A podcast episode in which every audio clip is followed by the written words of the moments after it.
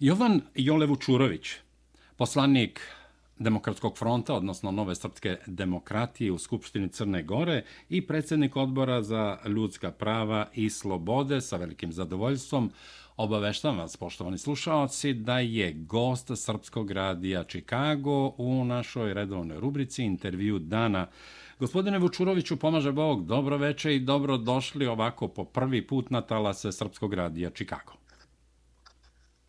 Bog vam pomogao, veliki pozdrav za vas, gospodine Ravas, i za sve vaše kolege u Srpskom radiju Chicago i za sve naše Srbe za, u Americi, za sve vaše slušaoce i veliko mi je zadovoljstvo što ću biti vaš gost ove večeri.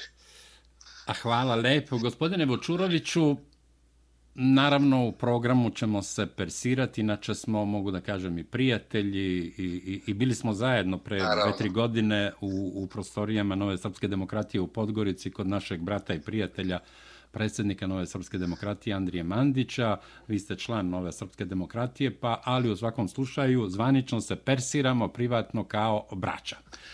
Ja bih Naravno. zamolio gospodine Vučuroviću da prvo prokomentarišete ovo što je predsjednik Skupštine Crne Gore, Aleksa Bečić, da ne elaboriramo sad lik i delo ovih e, ne znam, 200 dana koliko je ili 250 dana koliko je on predsjednik Skupštine Crne Gore, za mnoge neprijatno iznenađenje, ali da komentarišete sastanak na koji on pozvao 7. jula sve predstavnike parlamentarnih stranaka koliko znam, ovom sastanku se neće odazvati stranke vladajuće većine, sem naravno demokrata i Ure Dritana Abazovića. Izvolite.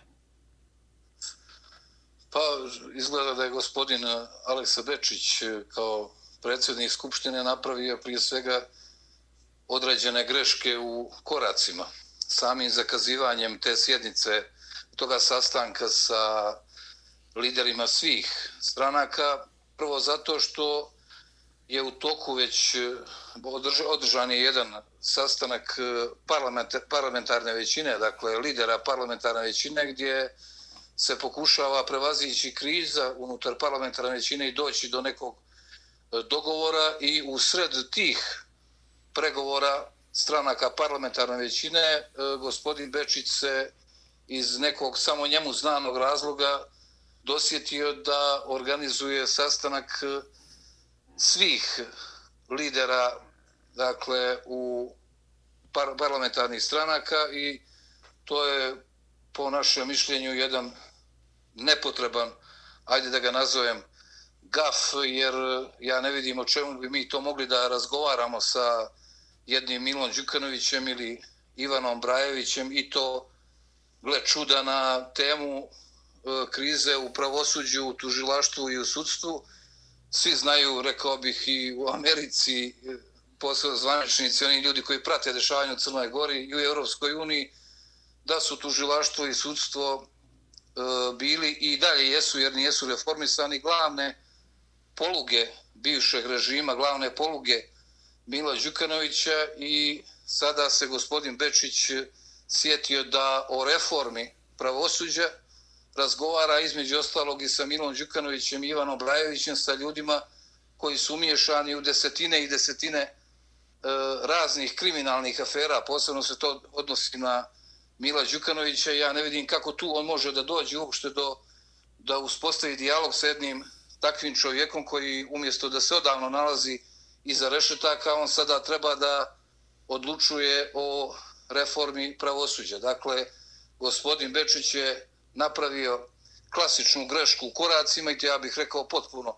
namjernu i e, prenebregao je ovaj sastanak koji je trebao da održi sa svojim kolegama sa kojima čini vlast u Crnoj Gori i sa kojima prvo treba da se dogovara, da vidimo kako da prevaziđemo ovu krizu koju su izazvali prije svega on i gospodin premijer Krivokapić smjenom e, Vladimira Leposovića izglasavanjem one antisrpske rezolucije o Srebrenici i umjesto da se prvo mi dogovorimo vezano za naše odnose unutar parlamentarne većine, on se odlučio, dakle, kako bi se očigledno zateškali ti dogovori i ti pregovori, da nas uvuče u pregovore sa Milom Đukanovićem, Ivanom Brajevićem, Raškom Konjevićem i ostalim vedetama bivšeg režima i zato Demokratski front eh, neće učestvovati u tim pregovorima 7. jula, neće ni socijalistička narodna partija, dakle, hoće samo demokrate i građanski pokretura Dritana Abazovića. Da, i radnička partija neće učestvovati, prava Crna Gora i Ujedinjena Crna Gora neće učestvovati na, na da, ovim da, da. konsultacijama ili razgovorima, a dolazak su prihvatili Demokratska partija socijalista, Socijaldemokratska partija, a, socijaldemokrate i partije manjina. Da li se radi o nečemu što se kaže kod našeg naroda iza brda, da li se valja nova parlamentarna većina, jer sa svi ovim partijama opozicionim usvojena je i ta sramna rezolucija o Srebrenici u Skupštini Crne Gore. Pa naravno da može da se desi i jedna takva situacija koja bi do duše e, u nestajanje političko odvela i demokratsku Crnogoru Alekse Bečića i građanski pokretura Drita Nabazovića, ali mi još uvijek ne znamo dakle ko stoji iza te očigledne, ajde da je ne, ne nazovem sad odjednom koalicije, ali očigledno iza pokušaja stvaranja jednog saveza koji je, kao što ste dobro rekli, e, maltene i bio uspostavljen prilikom izglasavanja te sramne rezolucije o Srebrenici, kao i rekao bih jednog dogovora vezanog za smjenu ministra Vladimira Leposavića i sam e, predsjednik Crne Gore Milo Đukanović je pa makar pet ili šest puta kazao da on ne bi imao ništa protiv da neke stranke i koje on naziva stranke koje baštine evropske vrijednosti da budu zajedno sa Demokratskom partijom socijalista i očigledno je on mislio na demokrate i na URU, a i sam e, Zdravko Krivokapić je negdje u jednom intervju na televiziji vijesti također e, izgovorio to da njemu ne bi smetalo da bude čak i sa nekim strankama bivšeg režima, naravno ukoliko bi to bilo potrebno E, da se izglasaju e, sad neki zakoni za koje on smatra da su nešto previše bitni, ali ono e, što je najvažnije je da bi takvim jednim savezom potpuno bila ugašena volja građana od 30. augusta prošle godine, kada smo nakon tri decenije, tačnije nakon sedam i više decenija jednoumlja i terora, smijenili vlast u Crnoj Gori. Posebno je to E, značajno za našu koaliciju za budućnost Crne Gore, koja je dobila i najviše glasova na, na tim izborima i prosto ljudi koji su glasali ne mogu čudu da se načude ponašanju E, gospodina Zdravka Krivokapića i njegovim potezima u posljednjih, reklo bi se, evo, nekoliko mjeseci za koje su gotovo jednodušni da se radi o izdaji tih, o izdaji tih birača. Ako uzmemo obzir da su dobrim dijelom i glasači demokratske Crne Gore srpske nacionalnosti i oni se žestoko, žestoko osjećaju prevarenim i osjećaju taj zadah izdaje od strane rukovodstva te stranke i, i Alekse Bečiće koji nije kao ni Zdravko Krivokapić uradio ništa od onoga u što smo se svi, rekao bih, zakleli onoga trenutka kad smo srušili Milo Đukanovića, to je u prvom redu, dakle, osim izglasavanja zakona o slobodi i to je bila i demontaža, demontaža toga sistema totalitarnog neokomunističkog koji je dakle morao biti demontiran za ovih evo toliko i toliko mjeseci koliko je prošlo od 30. augusta. Gospodine Vučuroviću, pominjete Zdravka Kirokapića, predsjednika vlade Crne Gore.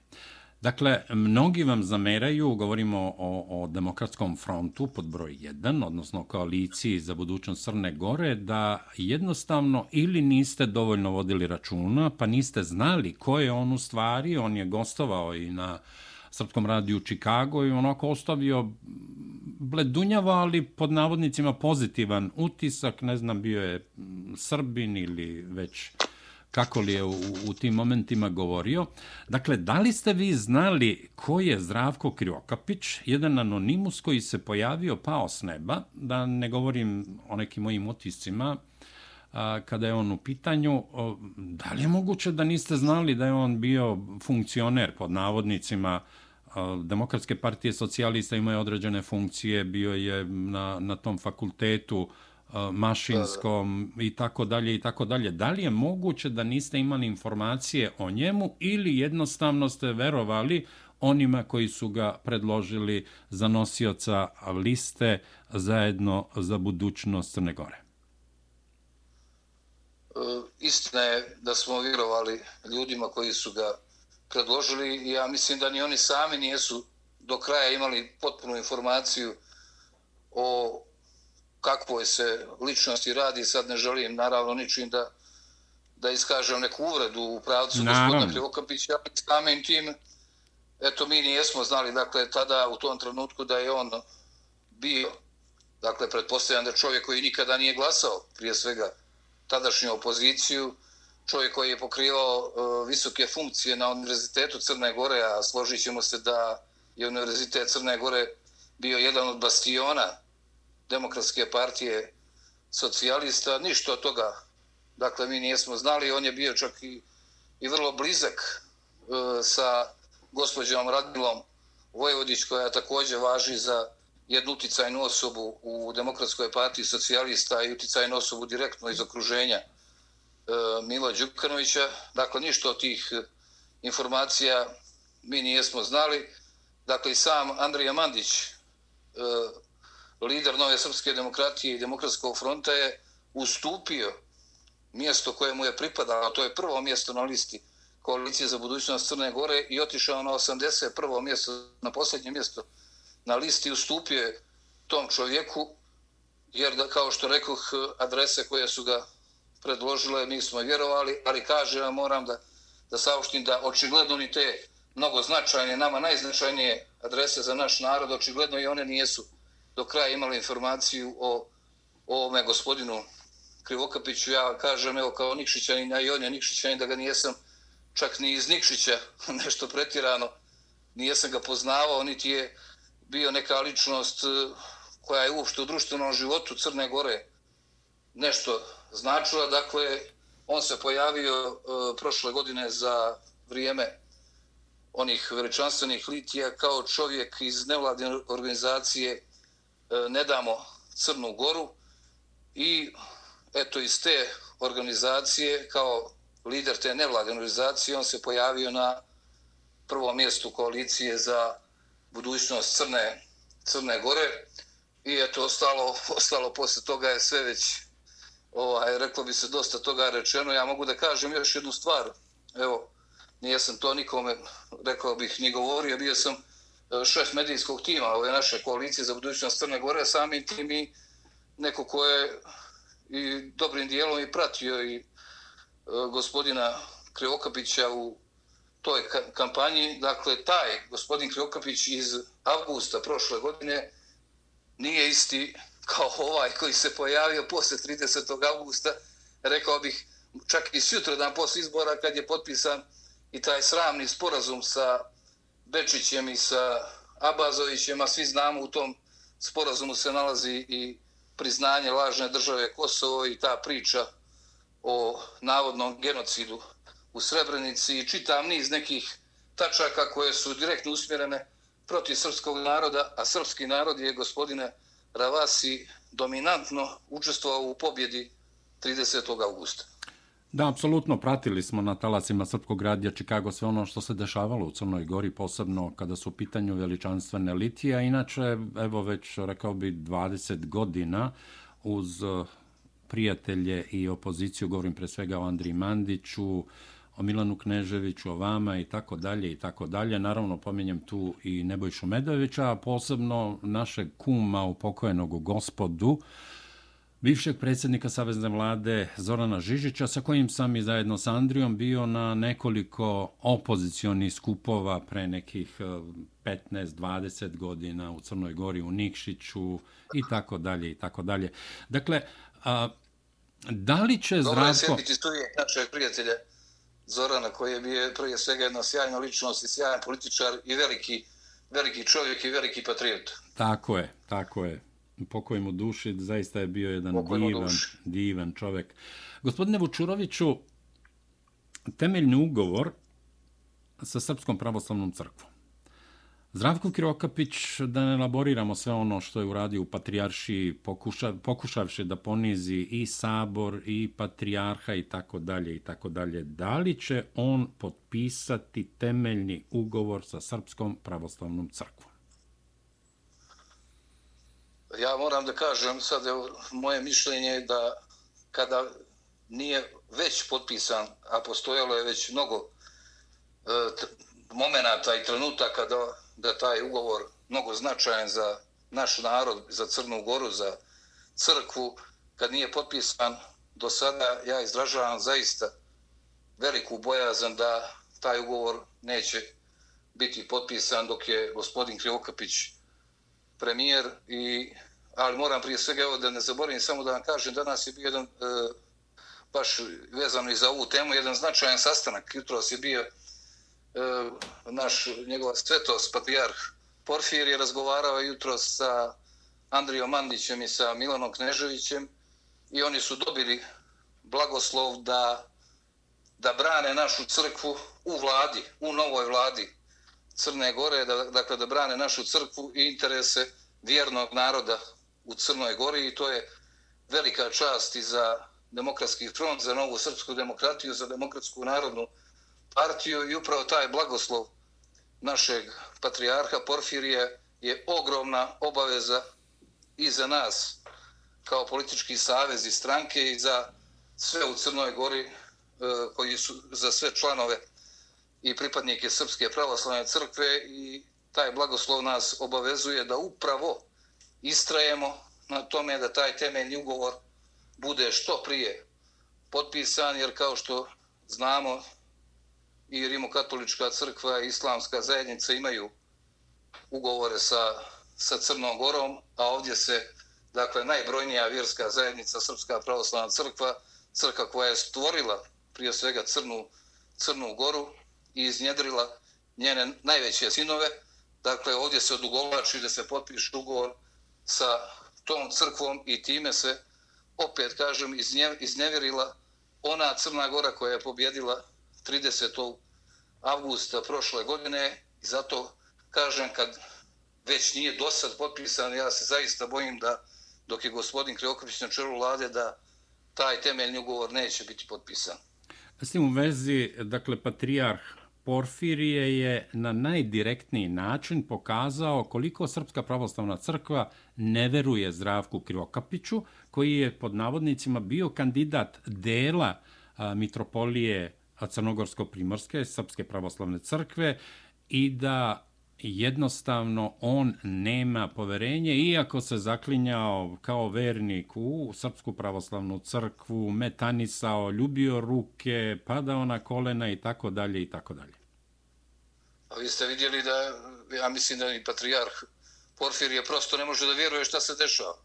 Vi ste vidjeli da i, i naš mitropolit Joannik je da je također skrenuo pažnju i to vrlo oštro istom tom gospodinu Kriokopiću poslonih, poslonih avantura njegovih po Beogradu i po Patrijaršu, jer prosto čini mi se da i naš mitropolit nije mogao da vjeruje šta se dešava i kakve sve neugodnosti priređuje Zdravko Kriokopić i našoj mitropoliji i našoj Srpskoj pravoslavnoj crkvi i svima nama vjernicima Srpske pravoslavne crkve. Dakle, čini mi se da je Pa zato vam kažem, Patrijar Porfir je, rekao bih i onako kao duhovnik reagovao i zabrinut i za crkvu, zabrinut i za narod i čini mi se će tih kritika biti u buduće sve više, ali ja se nadam da će se u Crnoj Gori ubrzo desiti i neka značajna promjena u vladi koja će dovesti do toga da taj temeljni ugovor koji će ja nazvati i temelj Crne Gore bude uskoro potpisan.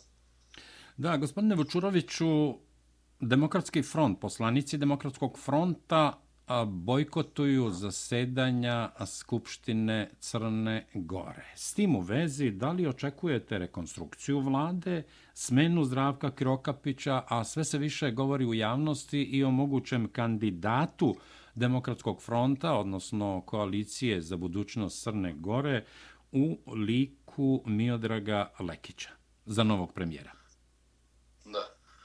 E, mi danas imamo tu situaciju da vladu Zdravka Krivokapića, odnosno njega kao premijera, podržava samo 14 poslanika od 41 iz parlamentarne većine, dakle 27 poslanika parlamentarne većine je protiv toga da on bude i dalje premijer i ja mislim da on treba, ako je ozbiljan čovjek, ako je odgovoran čovjek, ja mislim da bi to trebalo da bude, da da on shvati tu realnost i da uvaži činjenično stanje i prosto e, oslobodi Crnu Goru i uopšte parlamentarnu većinu toga balasta, a taj teret je on sam.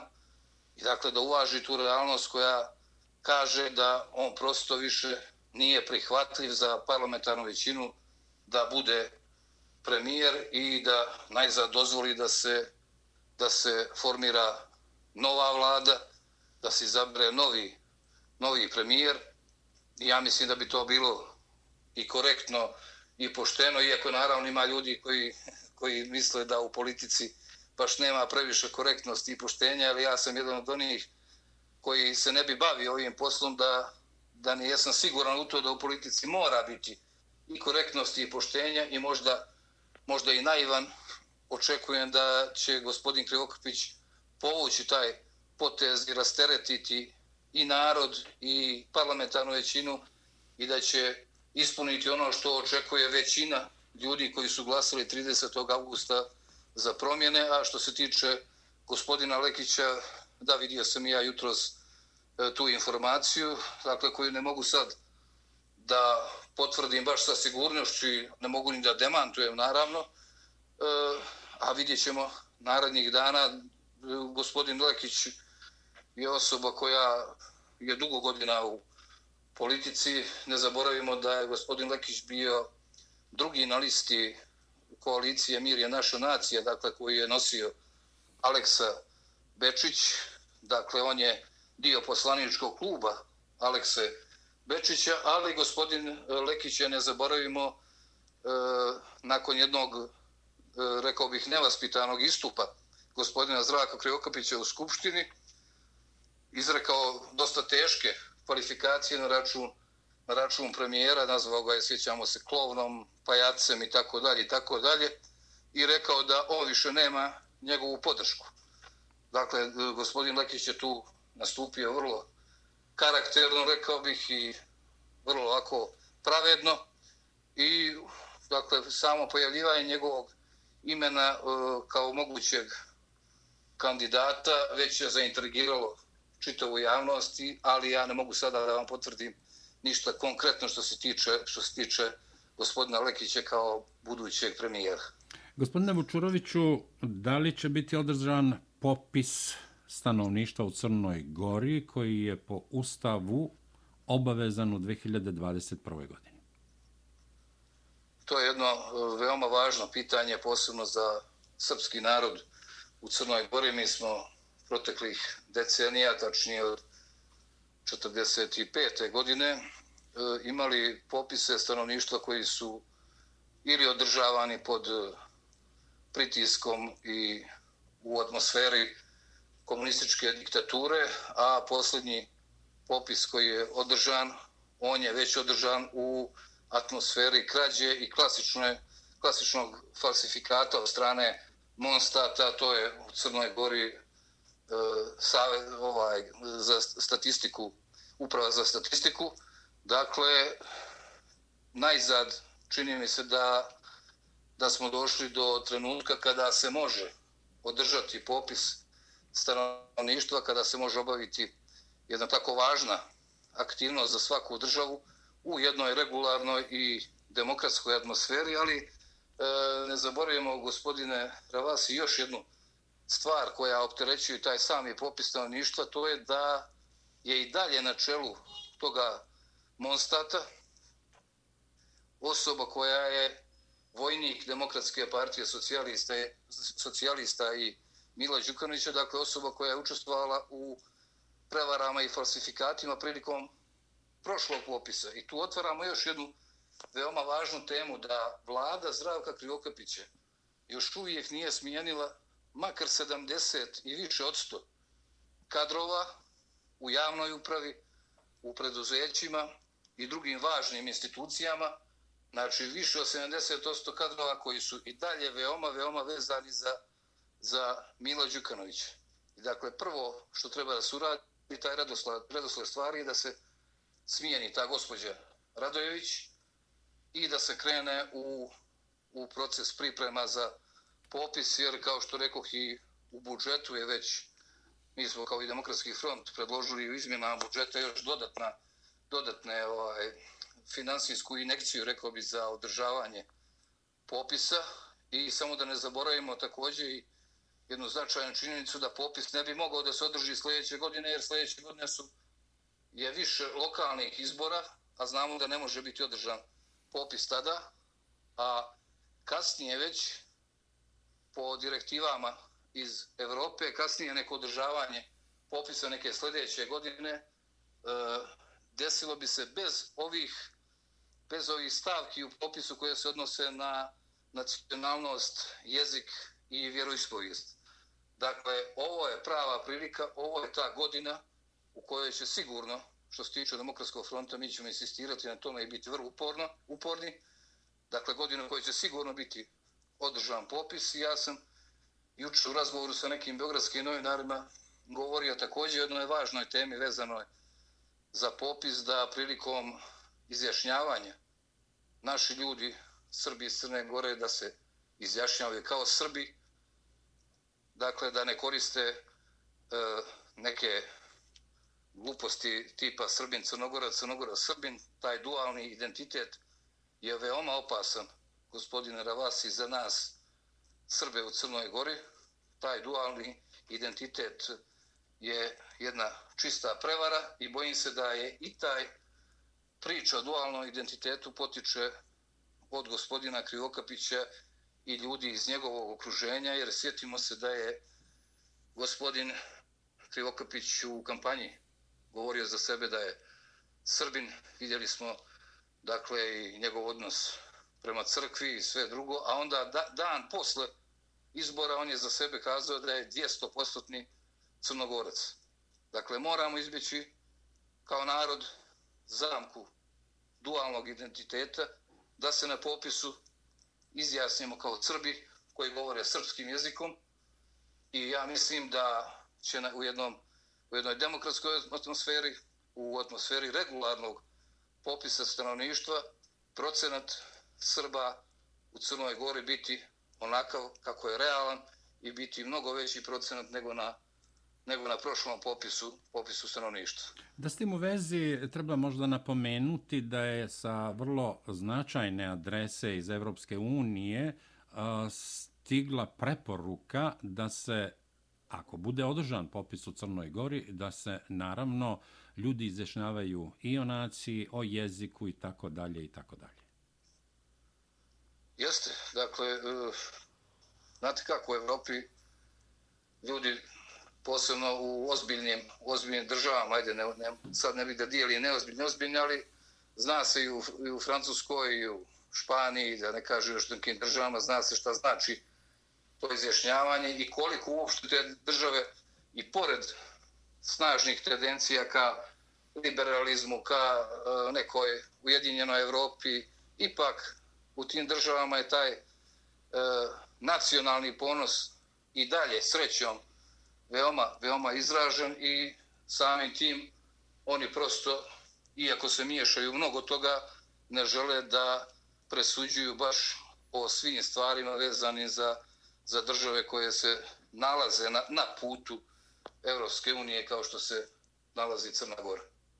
Da, gospodine Vučuroviću, birački spisak, evo, svedoci smo 200 dana, nekih 200 dana koliko je tražio Zdravko Kirokapić za svoju vladu. Eh, i bio je spreman to može da podnese ostavku ako ta vlada ne isporuči dobre rezultate.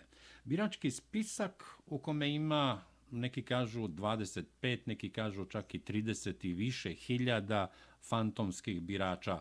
Demokratski front predlaže da ukoliko ne dođe do dogovora u vezi sa budućnošću vlade Crne Gore i ove vladajuće većine u Skupštini Crne Gore da se ide na izbore.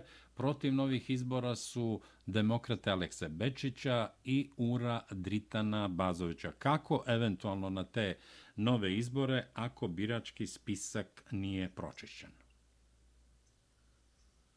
Ja se ipak nadam da će e, prije svega da će doći do rekonstrukcije vlade Crne Gore i kao što sam rekao da će premijer Krivokapić shvatiti realnost i napustiti poziciju koju sada, rekao bih, već nezasluženo pokriva, a onda će ta nova vlada u kojoj će sigurno biti demokratski front učiniti sve da se uradi ono što je trebalo da se uradi već do sad, evo od 30. augusta prošle godine ili od izglasavanja vlade krajem decembra prošle godine, jer ja ne vidim ni jedan jedini razlog zašto se do sada nije uradilo ama baš ništa na tome da birački spisak bude sređen i očišćen od fantomskih birača.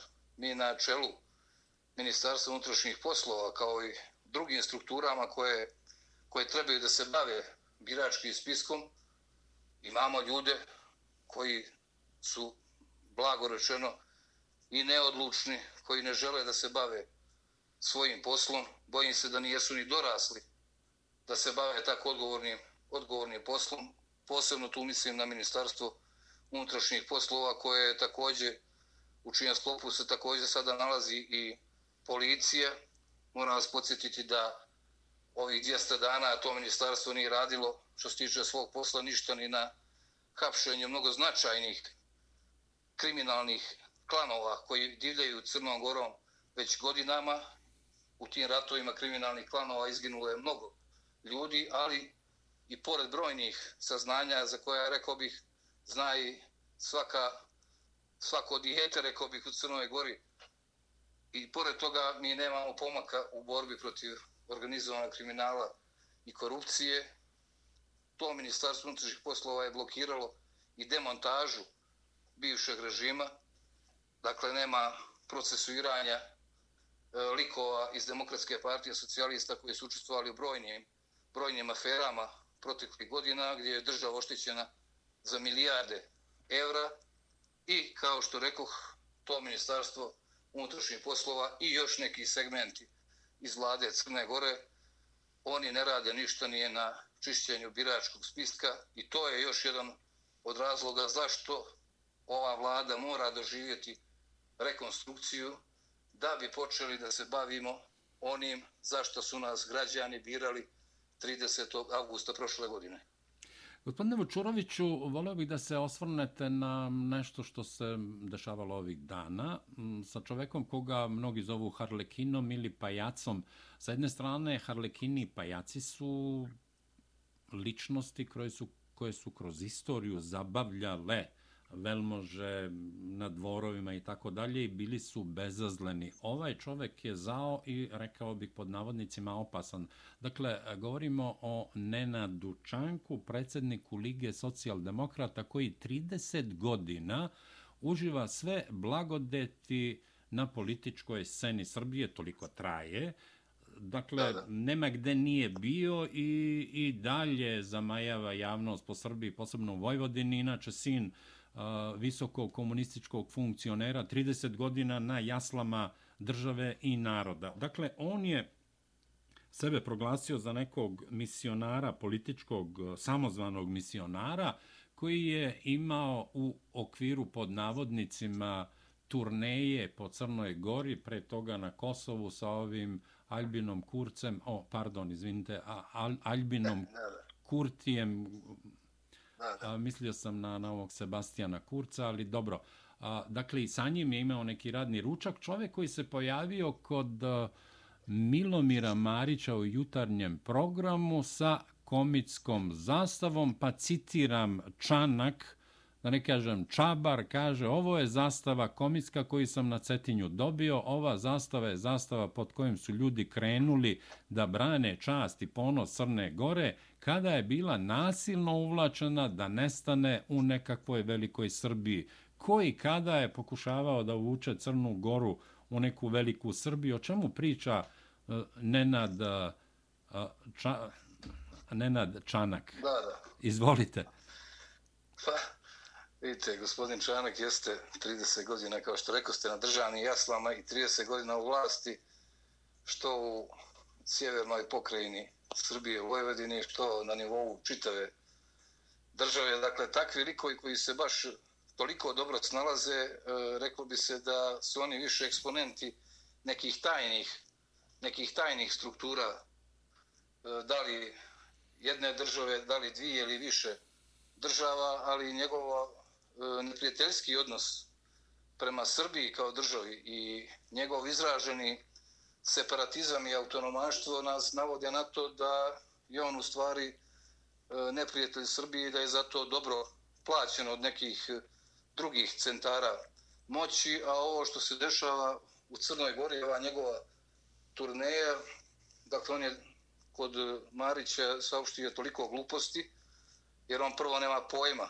kao ni oni koji se kite sada komitama, a posebno članak nema pojma ni ko su bili komiti, onda ona zastava koja se pojavljuje tamo za nju nema nešto dovoljno dokaza da je to bila zastava komita, a ajde, evo i ako jeste, a nije, morate primijetiti gospodine Ravasi da na toj zastavi ima osam ili devet trobojki. Tako je, to sam video. Dakle, gospodin Čanak je, rekao bih tačno da mu je neko kao podvalio, jer on uopšte nije obratio pažnju na tu činjenicu na tih osam ili devet trobojki koji se nalaze na onoj, na onoj zelenoj zastavi i pravo da vam kažem, ta priča o komi tamo u Crnoj Gori je već poprimila ovako jedan e, humoristički karakter i pored toga što e, ljudi koji se predstavljaju tako nastupaju dosta agresivno i ekstremno, ali e, znate kako, mi znamo za komite iz Prvog svjetskog rata, za Toška Vlahovića, za Mirinka Vlahovića koji su podizali za Jovana Radovića, za Kostu Vojinovića i druge ljude koji su podizali taj toplički ustanak. Dakle, većina tih ljudi su bili ljudi iz Crne Gore, prvenstveno Toško i Mirinko Vlahović, to su otac i stric čuvenog Veljka Vlahovića. Dakle, to su bile komite koje su kasnije iz topličkog ustanka prešle u Crnu Goru i učestvovali u oslobađanju Crne Gore od Strugara. Jovan Radović je oslobodio, eto i to da kažem, oslobodio Nikšić kao komita i dalje su oslobađali dakle, dakle ostale srpske krajeve. To su bile te komite, a kasnije imamo i pojavu tih komita koji su se zvale i zelenaši koji su bili protivnici protivnici ujedinjenja i naravno imamo već poznate Bilaše dakle, koji su bili pristalice ujedinjenja, ali moramo reći i za ove komite, u stvari za zelenaše koji su bili protiv ujedinjenja, koji su bili pristalice dinastije e, Petrović, u stvari pristalice kralja Nikole, da su to bili ljudi koji su se izjašnjavali kao Srbi. A ove danas komite, ove kvazi komite, što ih Nikšićani nazivaju komitetlije, to su većinom dakle, ljudi koji su antisrbi i koji podržavaju ideološki politiku Sekule Drljevića, a Sekula Drljević je bio ustaša, zločinac i saradnik Anta Pavelića i oni, dakle, u svom, ajde neću da kažem ludilu, jer ne želim nikog da uvrijedim, u svom neznanju, vode politiku Sekule Drljevića i u isto vrijeme Ljuba Čupića.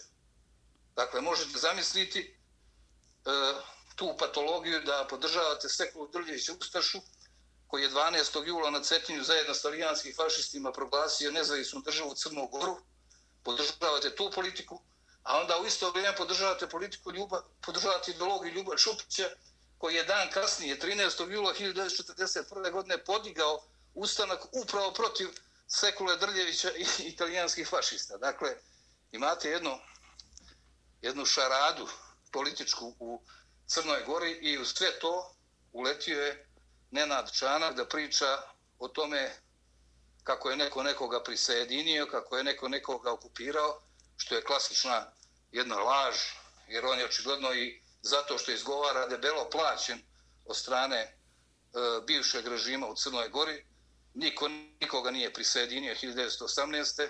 Niko nikoga nije okupirao 1918. godine, nego se ostvarila vjekovna želja srpskog naroda za ujedinjenjem. I 95% građana Crne Gore je bilo za ujedinjenje.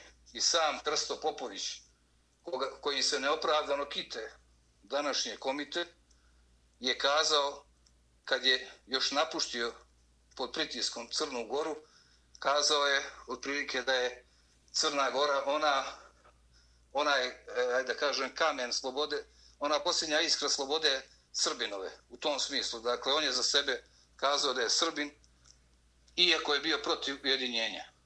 Ali vidite, dakle, u Crnoj Gori jedno, u tom dijelu političkog spektra vlada ili jedno opšte znanje, ili jedno antisrpstvo, dakle, koje, koje negira sve što ima veze sa tradicionalnom Crnogorom, sa Petrovićima, sa Nemanjićima, dakle, sa Srpskom pravoslavnom crkvom, odnosno oni negiraju sve ono što jeste Crna Gora i tu je Nenad Čanak onako upao da se razbaškari kao, kao što on umije i da se priključi tim lažima koje plasira DPS i Milo Đukanović. A samim tim možda možemo da zaključimo da Nenad Čanak radi u koriš tete takozvani komita, a, jer je postao njihov pod navodnicima barjaktar, jer sve ono za što se zalaže Nenad Čanak u Srbiji, u regionu, a, kod većine ne samo srpskog naroda,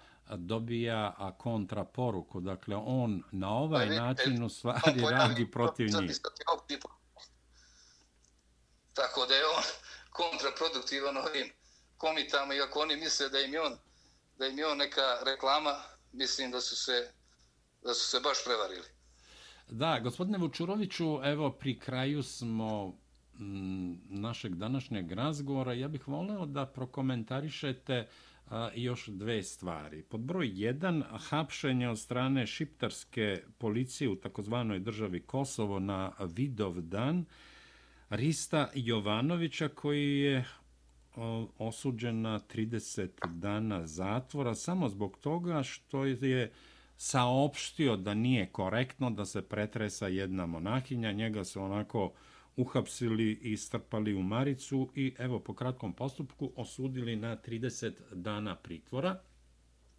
A, takozvani ministar, ja moram to tako da kažem, kad vidite neke ljude, naravno ne treba vizuelno suditi, ali kad vidite ovog um, ministra spoljnih poslova, Đorđa Radulovića, prosto čovek, da li da plače, da li da se smeje, dakle čovek bez ikakve harizme i naravno jedan od kadrova Demokratske partije socijalista, je davao neke nemošte izjave, uključivši Zdravka Krivokapića. S druge strane je, čini mi se, danas saopštio da je ambasada Crne Gore u Beogradu izbavila Draginju, ne znam zbog čega je zovu Prčevita, evo takav je, ja znam šta to pa u slengu. Pa ona iskoristila taj izraz? Pa. Da, da, da, pa verovatno to u Crnoj Gori je ovaj izraz da, da, da. koji meni nije pretjerano poznat. Ono što ja znam u vezi s tim je a, neprikladno za, za javnu komunikaciju, a ona je kao saopštila da neće biti izdajnik, da su je nešto maltretirali na aerodromu Nikola Tesla i tako dalje. Pa molim vas da, da napravimo neko malo poređenje, jer ovde se digla pod navodnicima kuka i motika, posebno što je ona nezakonito koristila diplomatski pasoš. Dakle, prvo Risto Jovanović, pa onda, evo, kako kaže ovde, Prčevita Draginja Stanković. Vidite, gospođa e, Draginja Vuksanović Stanković je, e, na primjer, u parlamentu Crne Gore izgovorila nešto što niko nikada nije izgovorio ni sa jedne strane e, političkog spektra, dakle, za Srbe iz Crne Gore je kazala da su posrbice. Dakle, možete misliti šta bi se desilo kako bi se hajka digla na Srbe da su za neku drugu naciju iskoristili nešto slično što je ona kazala za nas Srbe iz Crne Gore. E, to je samo jedna, jedna strana priče, a Draginja Vuksanović također pripada onima koji su glasali za sramnu rezoluciju o Srebrenici kojom se srpskom narodu stavlja žig genocidnog, iako smo mi narod koji je najviše stradao tokom 20. vijeka. Dakle, i gospodin Vulin je kao ministar unutrašnjih poslova Srbije jasno kazao e, šta će se desiti sa tim e, ljudima koji su glasali za tu sramnu rezoluciju i njoj je to bilo veoma dobro poznato i kao što rekli ste koristila je nelegalno i taj diplomatski pasoš i, i doživjela te neugodnosti. Naravno svima je žao kad neko doživi neugodnosti, ali da vidimo da li ona koji je da li ona možda provocirala i policiju i uopšte državne organe, državne organe u Srbiji i vidite gospodin ministar Radulović, jedna čudna figura na političkom nebu Crne Gore. Koloritna, vrlo je, koloritna onako kad ga vidi. Vrlo koloritna jedna pojava je uh, angažovao sve moguće da da Draginja nekako bude puštena i da se vrati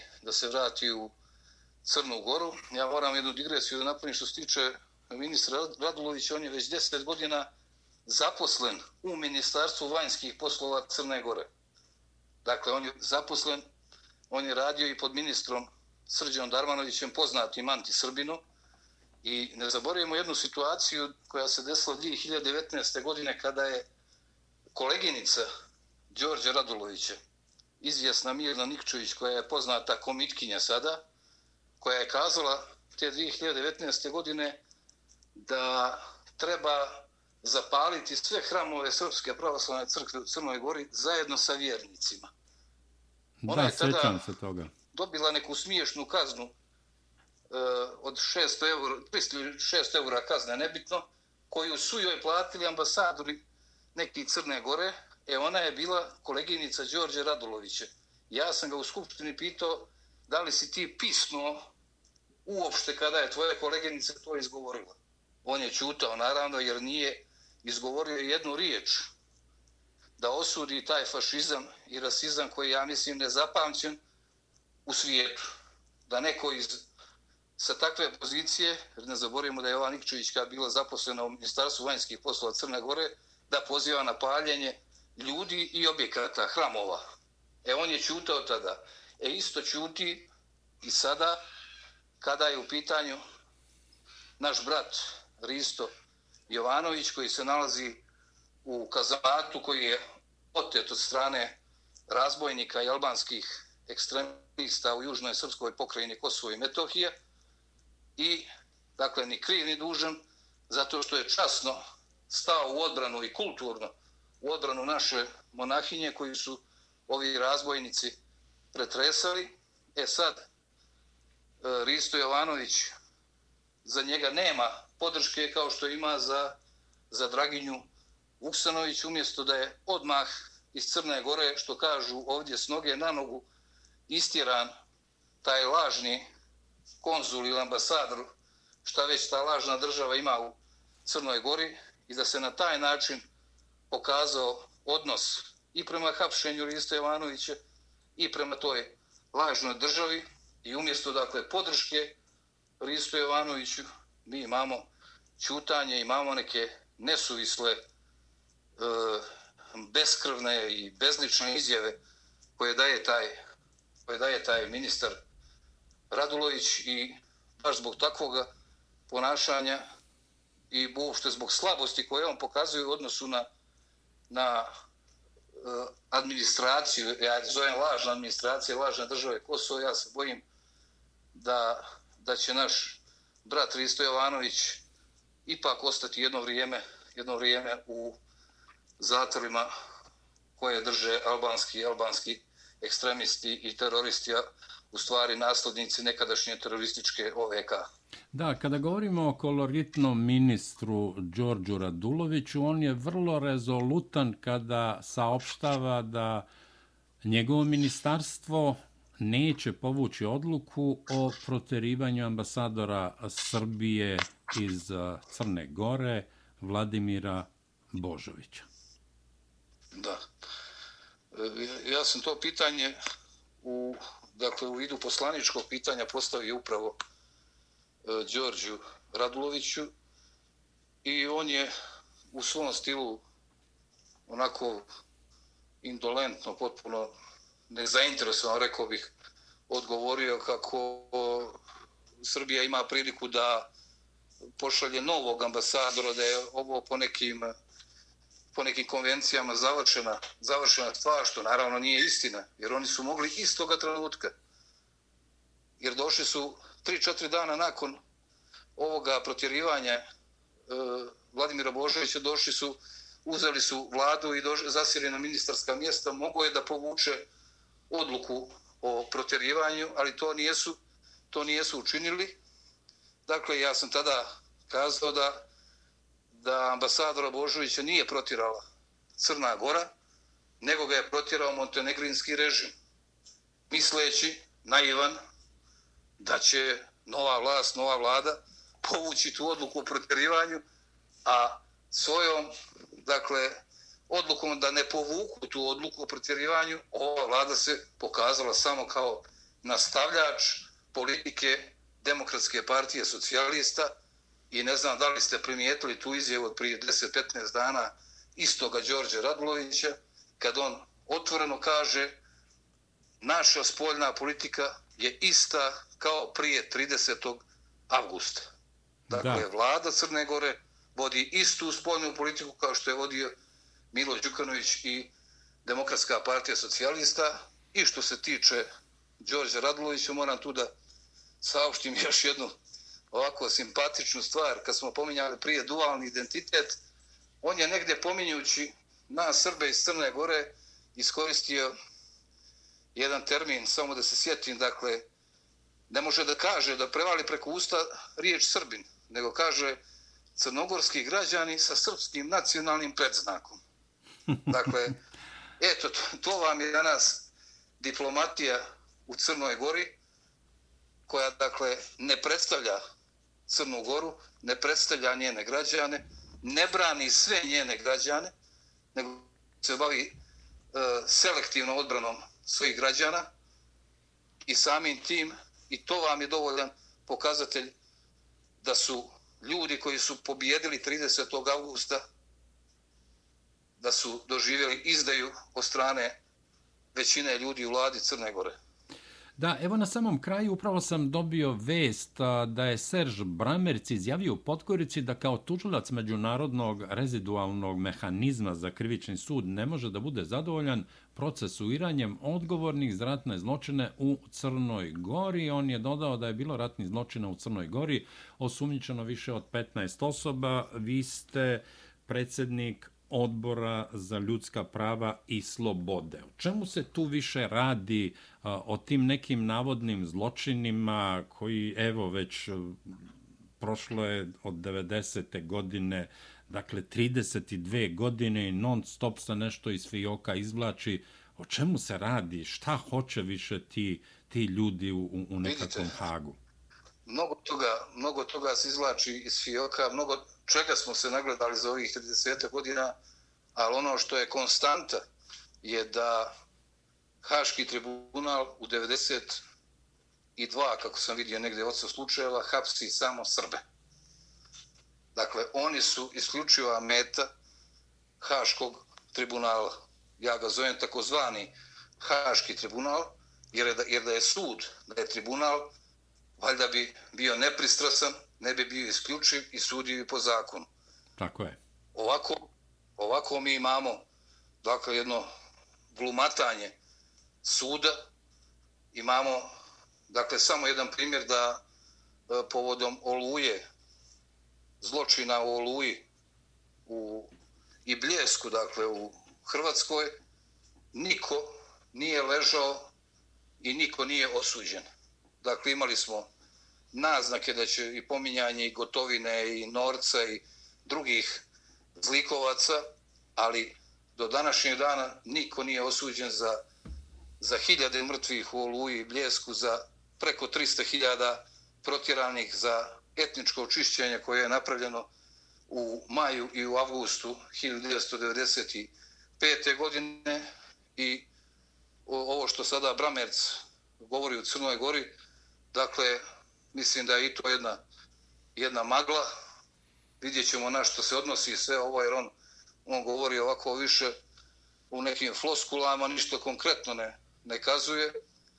Ja sam dobio informacije, a sam čak i gospodin Leposavić onoga dana kad je smjenjivan, najavio dolazak Bramerca, ali je negdje između redova najavio da bi Bramerc mogao da pomene čak i Mila Đukanovića vezano za, za neke zločine, u što ja pravo da vam kažem, gospodine Ravasi, sumnjam, jer Milo Đukanović ispunjava do kraja zadatke koje mu daju centri moći sa zapada i mislim da je on, što se toga tiče, potpuno bezbjedan, ali zato strada srpski narod, stradaju srpski političari, stradaju srpski vojnici, dakle stradaju svi oni koji se nijesu htjeli pokoriti sili jačega i koji su se borili za, za opstanak i za odbranu svog naroda i koji su se borili za to da se našem narodu ne ponovi ono što se desilo 41. 45. godine.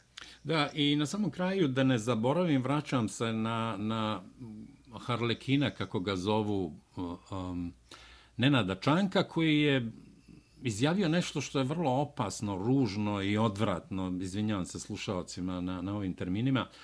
Dakle, on je saopštio e, da je posetio neko selo, pod navodnicima katoličko albansko selo na Kosovu i Metohiji, e, kad je razgovarao sa ovim Kurtijem, i da su tu zbog ubistva četvorice policajaca, dakle pripadnika Ministarstva unutrašnjih poslova tada Savezne republike Jugoslavije, odnosno Srbije, da je izdata naredba da se za jednog tog policajca ubije 100 albanaca i da je to kao realizovano. Za to niko i nikada nije čuo, to nije pomenuto ni u Haškom tribunalu, kad već pominjemo taj taj famozni Haški tribunal, Nena Čanak tvrdi i poredi to naravno sa onim što su radili nacisti i SS-ovci po Srbiji, da za jednog ubijenog srpskog policajca da je ubijano 100 albanaca. Ne znam da li ste Vidite, čuli to što je on izjavio. Da, da, ali čuo se mnogo toga što izjavljuje gospodin Čanak, ali to je možda je teška riječ, ali moramo je koristiti. Moramo biti vrlo precizni, ali mislim da da se tako ponaša svaki izdajnik u bilo kojem narodu, dakle, Nenad Čanak je prototip izdajnika i on je, dakle, otišao na noge neprijateljima srpskog naroda i još dodatno laže vezano za, za, za ta ubistva, dakle, i ono što sam prije rekao, čini se se potvrđuje to što sam rekao i bilo što je vezano i za Crnu Goru, da on prosto naplaćuje svoje usluge. A znamo i kako se i to zove uopšte u, kao društvena pojava.